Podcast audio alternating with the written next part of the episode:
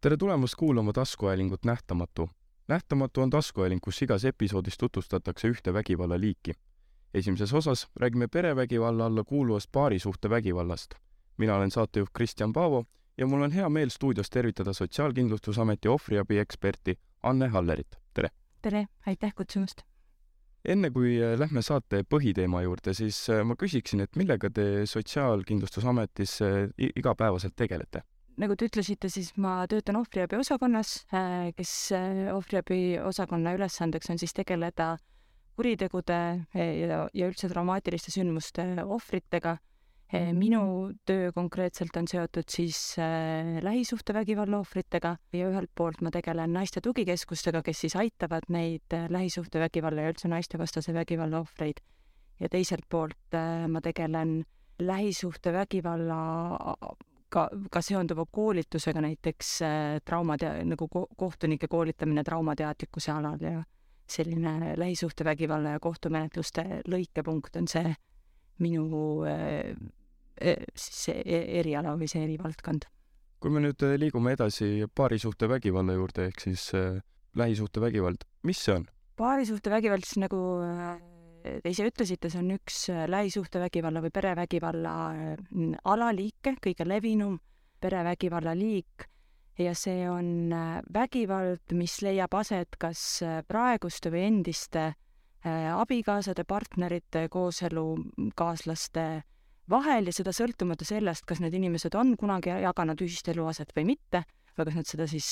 praegu teevad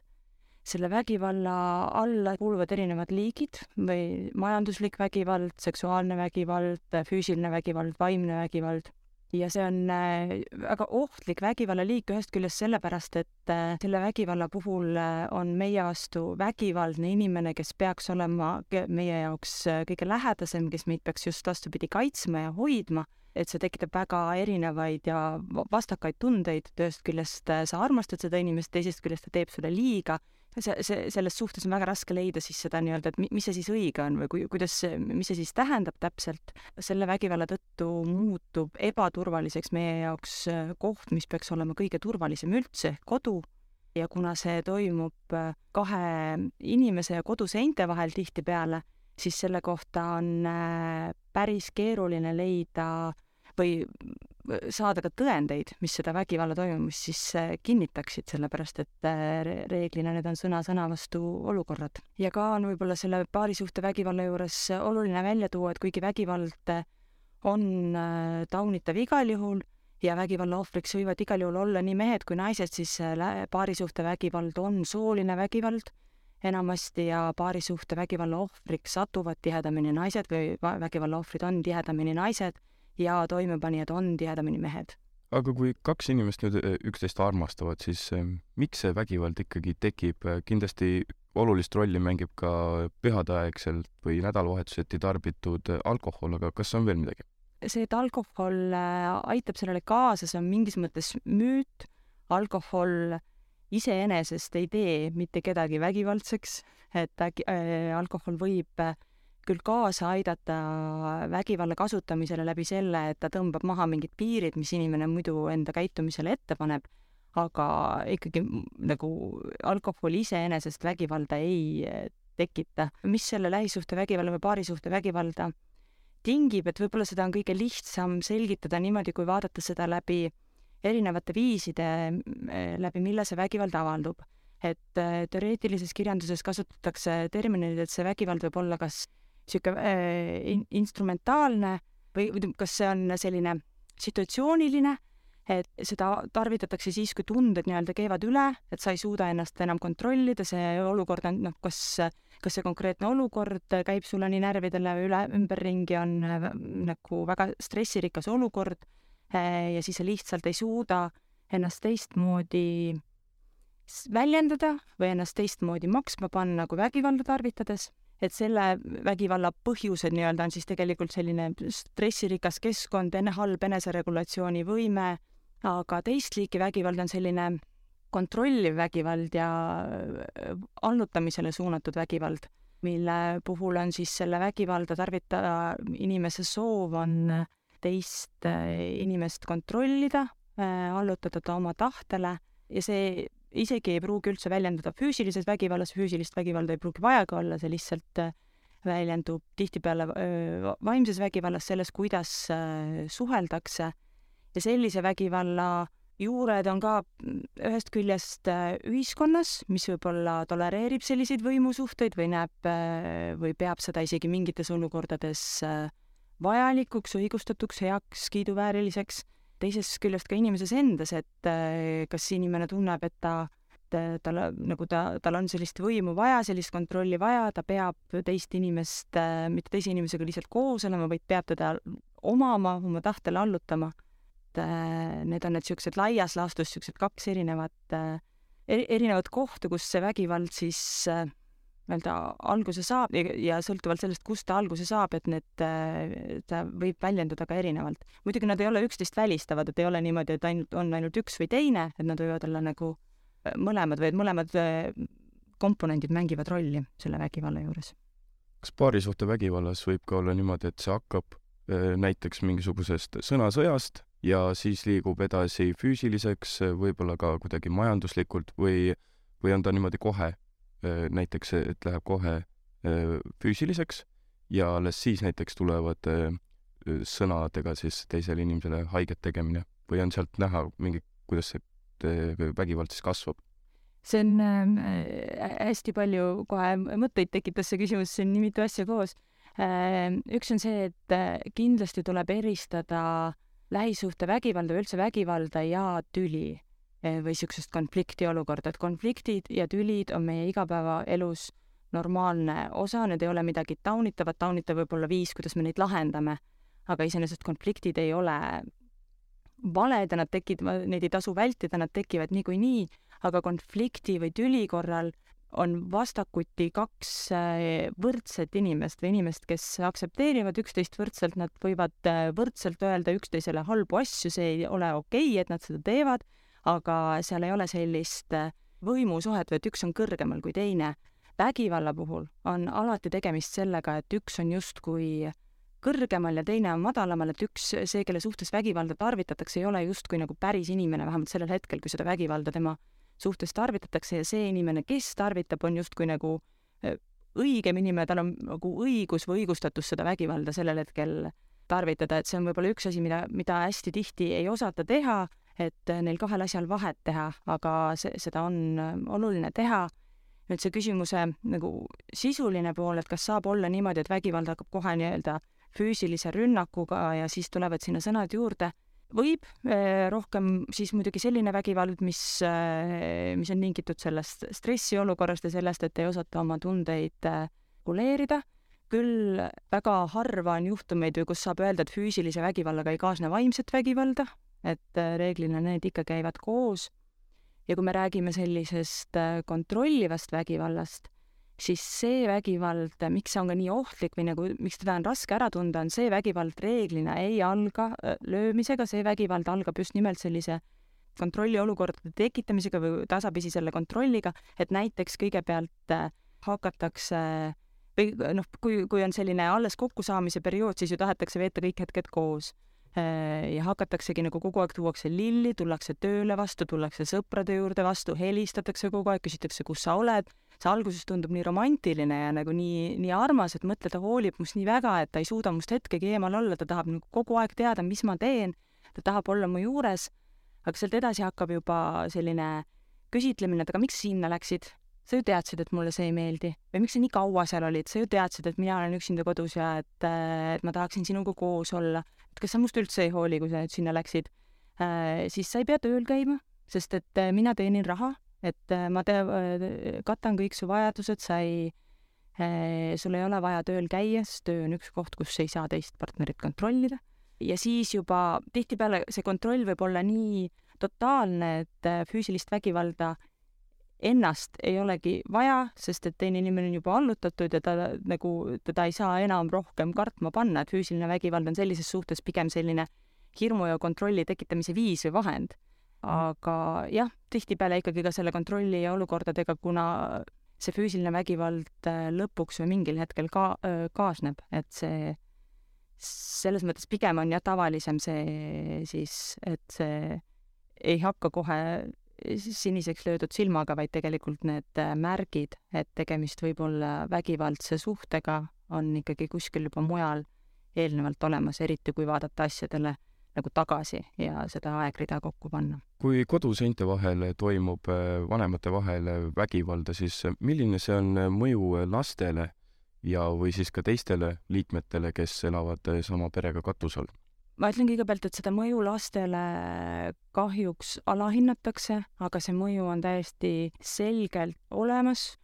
see, et laps õpib ju mitte niivõrd sellest, mida ta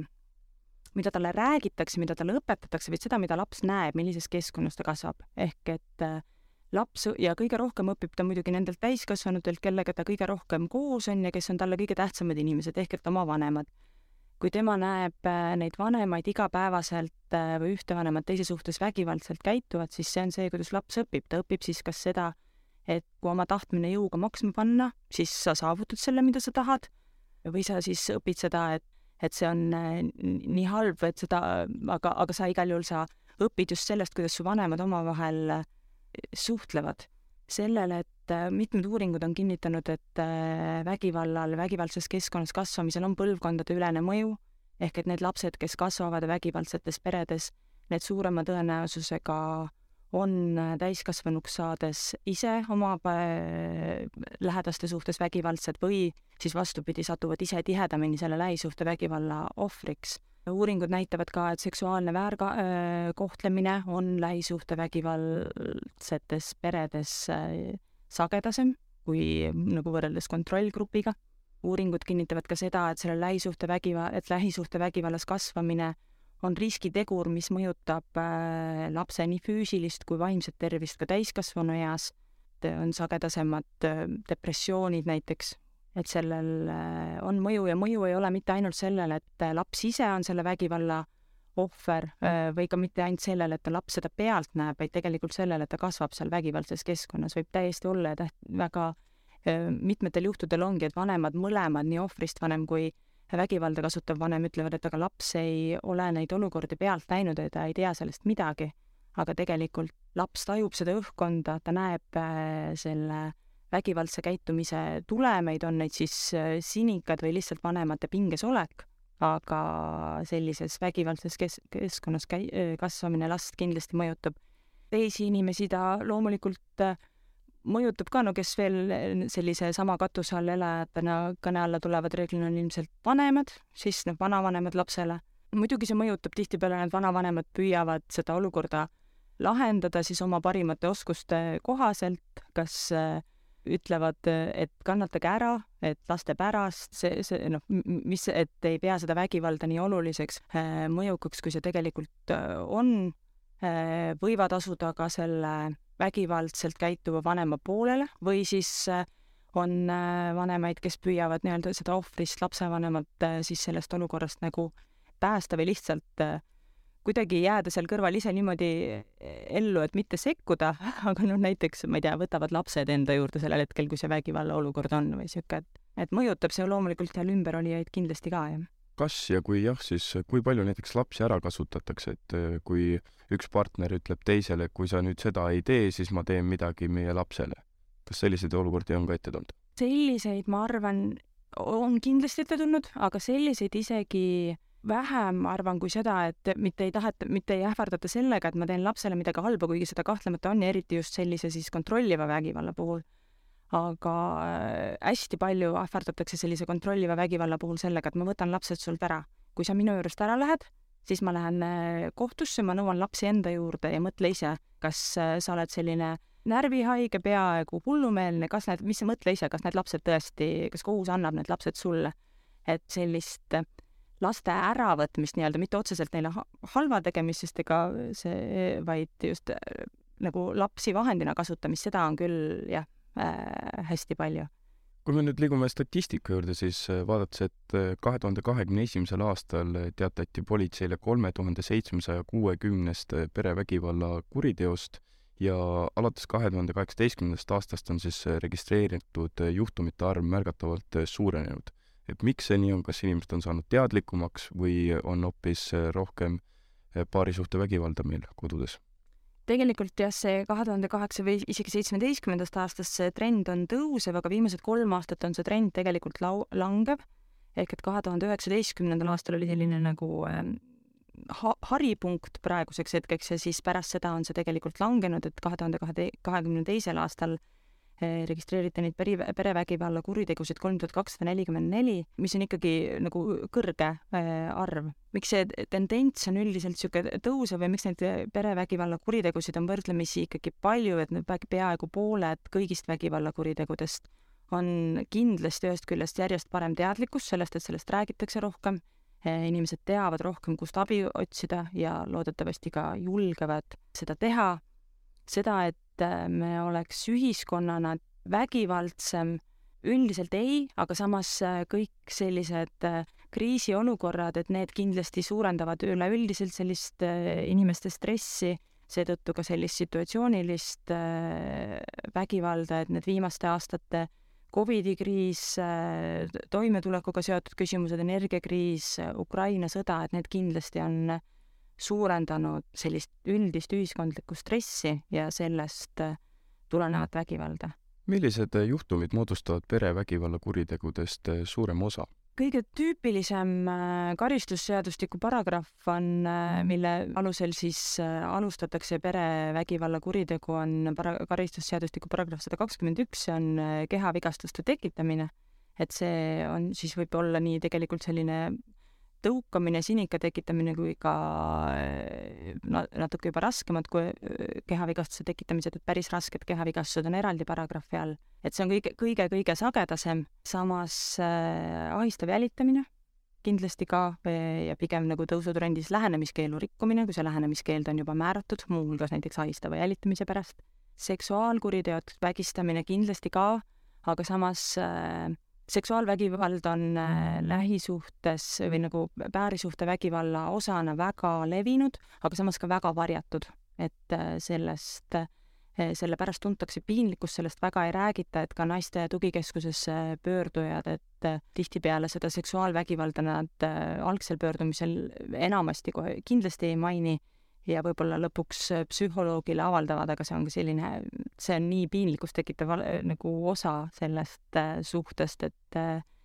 seal kindlasti neid kriminaalmenetlusi ja eriti süüdimõistmisi on vähem, kui seda vägivald tegelikult eksisteerib. tapmised paraku ka lähisuhtevägivalla või nagu lähisuhetes on olnud kahe tuhande kahekümne teisel aastal oli seitse tapmist, aga kahe tuhande kahekümnendal aastal neliteist näiteks, mida on päris palju millised Eesti piirkonnad paistavad silma siis suurema vägivalla poolest ja kas sellel on ka mingisugune kindel põhjus? arvuliselt, äh, kui vaadata nagu, kui palju on äh, väljakutseid, siis kindlasti äh, Tallinn ja Tallinna ümbrus, sest lihtsalt seal on rahvastiku tihedus nii suur ja seal on, elab nii suur osa rahvastikust. kui vaadata seda kuritegude arvu nüüd kümne tuhande inimese kohta, siis Ida-Virumaa juba mitmeid aastaid kindlasti ka on siin üheks põhjuseks see, et äh, seal on äh, suurem muukeelne elanikkond, kelle puhul, kes võib-olla kultuuriliselt võtavad sellist allumist ja võimusuhteid nagu on neile, ma ei tahaks öelda omasem, aga selles mõttes, et see on võib-olla seal kultuurikeskkonnas rohkem levinud, kindlasti ka sotsiaalmajanduslik olukord, see, et see on seal piirkonnas toimetulekuga on su-, probleemid suuremad, seda kinnitab kaudselt ka see, et tegelikult ka Valgamaa ja Põlvamaa näiteks on elaniku arvu kohta suhteliselt suurte või kõrgete näitajatega. et ka piirkonnad, kus nii-öelda ääremaad, kus toimetulek võib-olla ei ole nii hea ja sellest tulenevalt tekivad sellised situatiivsed vä-, vägivalla olukordi tekib rohkem kas haridus mängib ka mingisugust rolli? nii ja naa. see on ka üks selliseid äh, müüte, et arvatakse, et paarisuhtevägivald on rohkem omane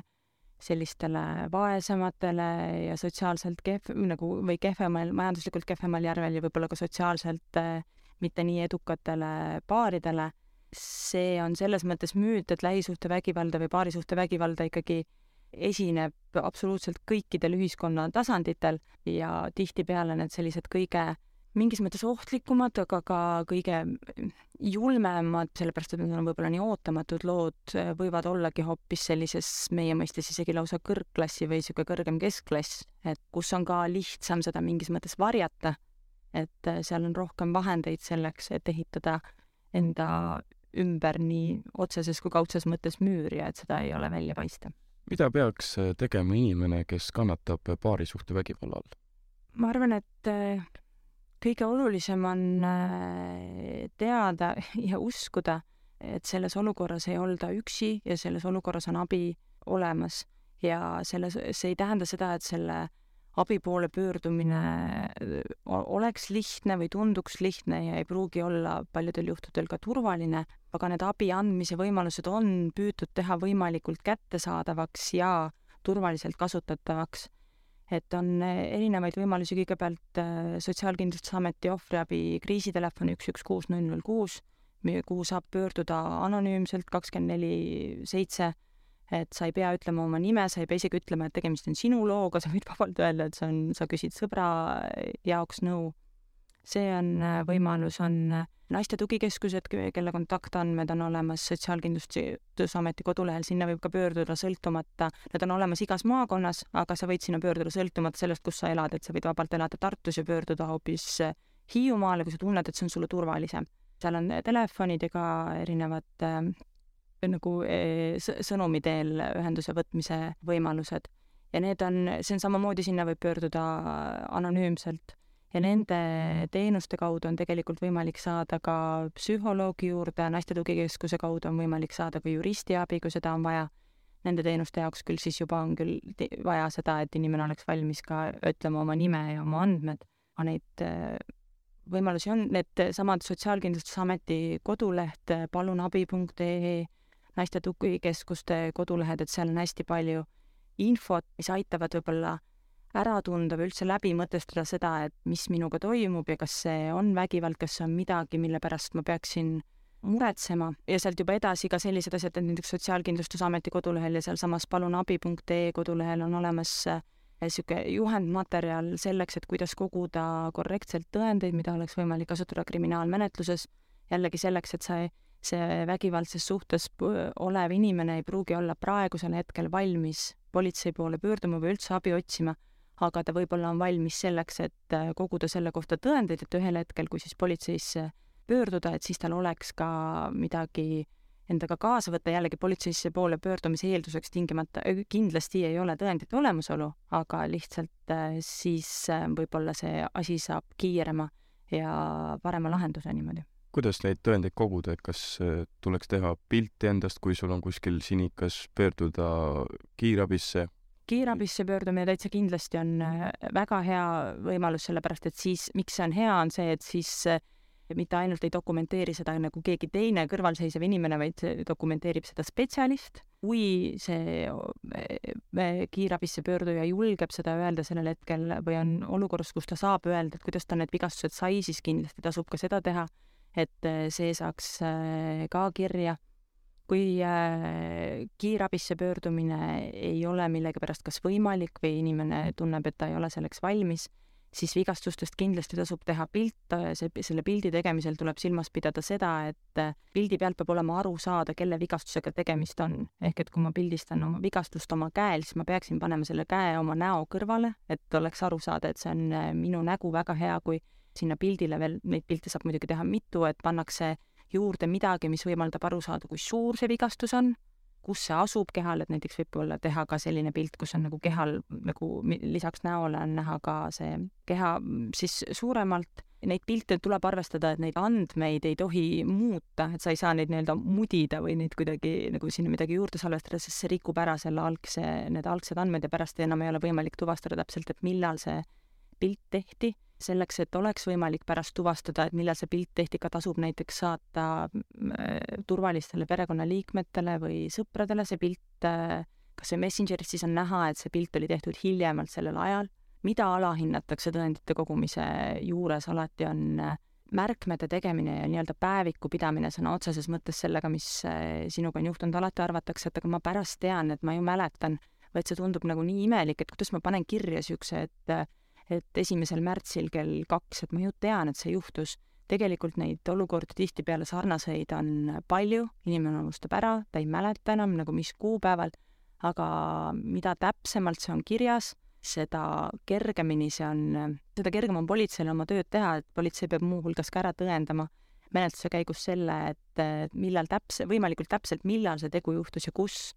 et see olukorrad tasub alati näiteks selle jälitamise puhul pannagi kirja, et esimesel märtsil kell kaks äh, astusin oma trepikojast välja, ta ootas mind kahekümne meetri kaugusel, nagu oli vasakul pool autos, sõitis mulle järele, äh, minuga koos oli autos näiteks mu sõbranna, kes seda kõike nägi, sõbranna nimi on see, et see tundub natuke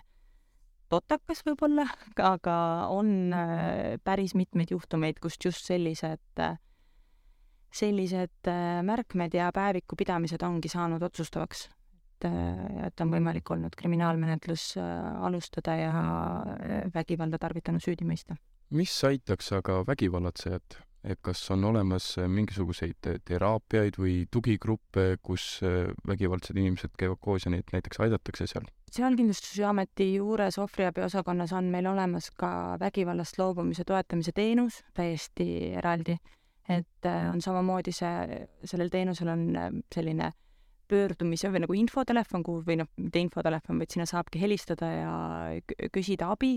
äh, ja siis sealt juba need spetsialistid kas aitavad siis telefoni teel, seal lepitakse ka kokku kohtumisi, tehakse nagu omavahel kohtumisi on nii, ma arvan, et grupiteraapiaid kui niisuguseid individuaalseid, et küll tuleb siin arvestada seda jah, et, et sellise vägivallast loobumise puhul on kõige olulisem, et millal see osutub edukaks, see sõltub väga palju sellest, et et see vägivalda tarvitav inimene ise tahaks päriselt ka sellest vägivallast loobuda. et see on lihtsam või rohkem levinud juhtudel, kui see vägivalla tarvitamine ongi kantud sellest kehvast eneseregulatsioonivõimest ja stressiolukordadest ehk et niisugusest situatsioonilisest vägivalla tarvitamisest, seal on tõenäolisem, et inimene näeb ise probleemi ja võtab selle eest vastutuse. kontrolliva vägivalla puhul väga-väga sagedasti ongi probleem selles ka, et see vägivallatseja ise ei ole valmis mitte mingisugust vastutust võtma oma vägivaldse käitumise eest ja kui inimene ei võta selle käitumise eest vastutust, ei saa ta sellest ka loobuda. kui nüüd inimene ise ei võta vastutust, siis millised karistused on üldse vägivallatsele, vägivallatsejale ja kui tihti neid äh, kohtus näiteks süüdi mõistetakse? ma püüdsin isegi leida, et kas on sellist statistikat, et milliseid karistusi neile mõistetakse, ma eraldi sellist statistikat ei leidnud. seda statistikat on küll tehtud, et enamus nendest lähisuhtevägivalla ja perevägivalla juhtumitest, kui nad üldse jõuavad kriminaalmenetlusse, ja jõuavad äh, nii kaugele, et seda kriminaalmenetlust ei lõpetata, vaid ikkagi seda tahet, et see süüdimõistev otsus tuleb, siis enamus neist lõpeb ikkagi kokkuleppemenetluses, ehk et neid ei minda kohtusse lahendama, noh, kohus või noh, kohus kinnitab selle kokkuleppe küll, aga aga ei tehta läbi seda nii-öelda üldmenetlust, kogu kohtumenetlust, vaid siis see süüdistatav peab olema nõus põhimõtteliselt sellega, et olgu, et mind mõistetakse sellises teos süüdi karistused, kui ei ole tegemist korduva rikkumisega, ütleme, et lähisuhtevägivalla eest Eestis vangi minna peab ikkagi vaeva nägema, selleks natuke, kui nii võib öelda. ja see karistuse pikkus ei ole ka tingimata asi iseenesest, rohkem on tegelikult olulisem see, et sellisele vägivaldsele käitumisele järgneks ühiskondlik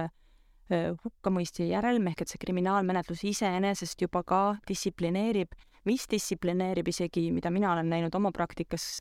päris hästi, on see sellised äh, vahi alla võtmised ehk et need ajutised, äh, neid kuni, mida saab teha kuni kaheks kuuks ja siis pikendada. et need on olnud küll sellised olukorrad, et kus see vägivalda tarvitav inimene on alguses äh, sellele ohvrile nagu naernud näkku ja öelnud, et kuule, et ära kujuta ette, et sa oled mingis Ameerika filmis, et meil ei käi need asjad niimoodi, inimesi ei viida niimoodi vangi ja kui ta siis ise viiakse päriselt vangi ja sinna kaheks kuuks pannakse, siis äh, see on ikka mõjunud äh, šokina küll ja tegelikult seal osas ka prokurörid ise ütlevad, et äh, uuringud näitavad ka, et sellel vanglal, vangi, vanglakaristusel ongi selline nagu käitumist korrigeeriv mõju ainult lühi, lühiajaliselt selles mõttes, et see vanglakaristus piisab pigem näiteks kuni kahe kuu pikkusest vanglakaristuseks, sellest, et see omaks käitumisele mõju et kui see vanglakaristus on juba pikem, siis võib pigem isegi olla juba see, et ta nii-öelda õpib seal vanglas uusi trikke juurde või tekib selline frustratsioon või pettumus, mis pigem ka välja saades jälle noh, avaldub vägivaldse käitumisena. sellepärast isegi neid äh, karistuste pikkusi või maksimaalseid neid äh, niimoodi välja ei, ei tooks ja neid üle ei tähtsustaks. minu meelest on oluline see, et need teod on karistatavad, neid karistusi siiski ka mõistetakse, et need karistused on võrreldavad, äh, mis Eestis alati nii ei ole mingite teiste kuriteguna, näiteks noh, rahaga või materiaalsete väärtustega seotud kuritegudega. et see on tihtipeale olulisem kui see, et kui pikk karistus siis sel konkreetsel juhul mõistetakse. aitäh saatesse tulemast Sotsiaalkindlustusameti ohvriabi ekspert Anne Haller. järgmises osas räägime eakate vastu suunatud vägivallast. kohtumiseni!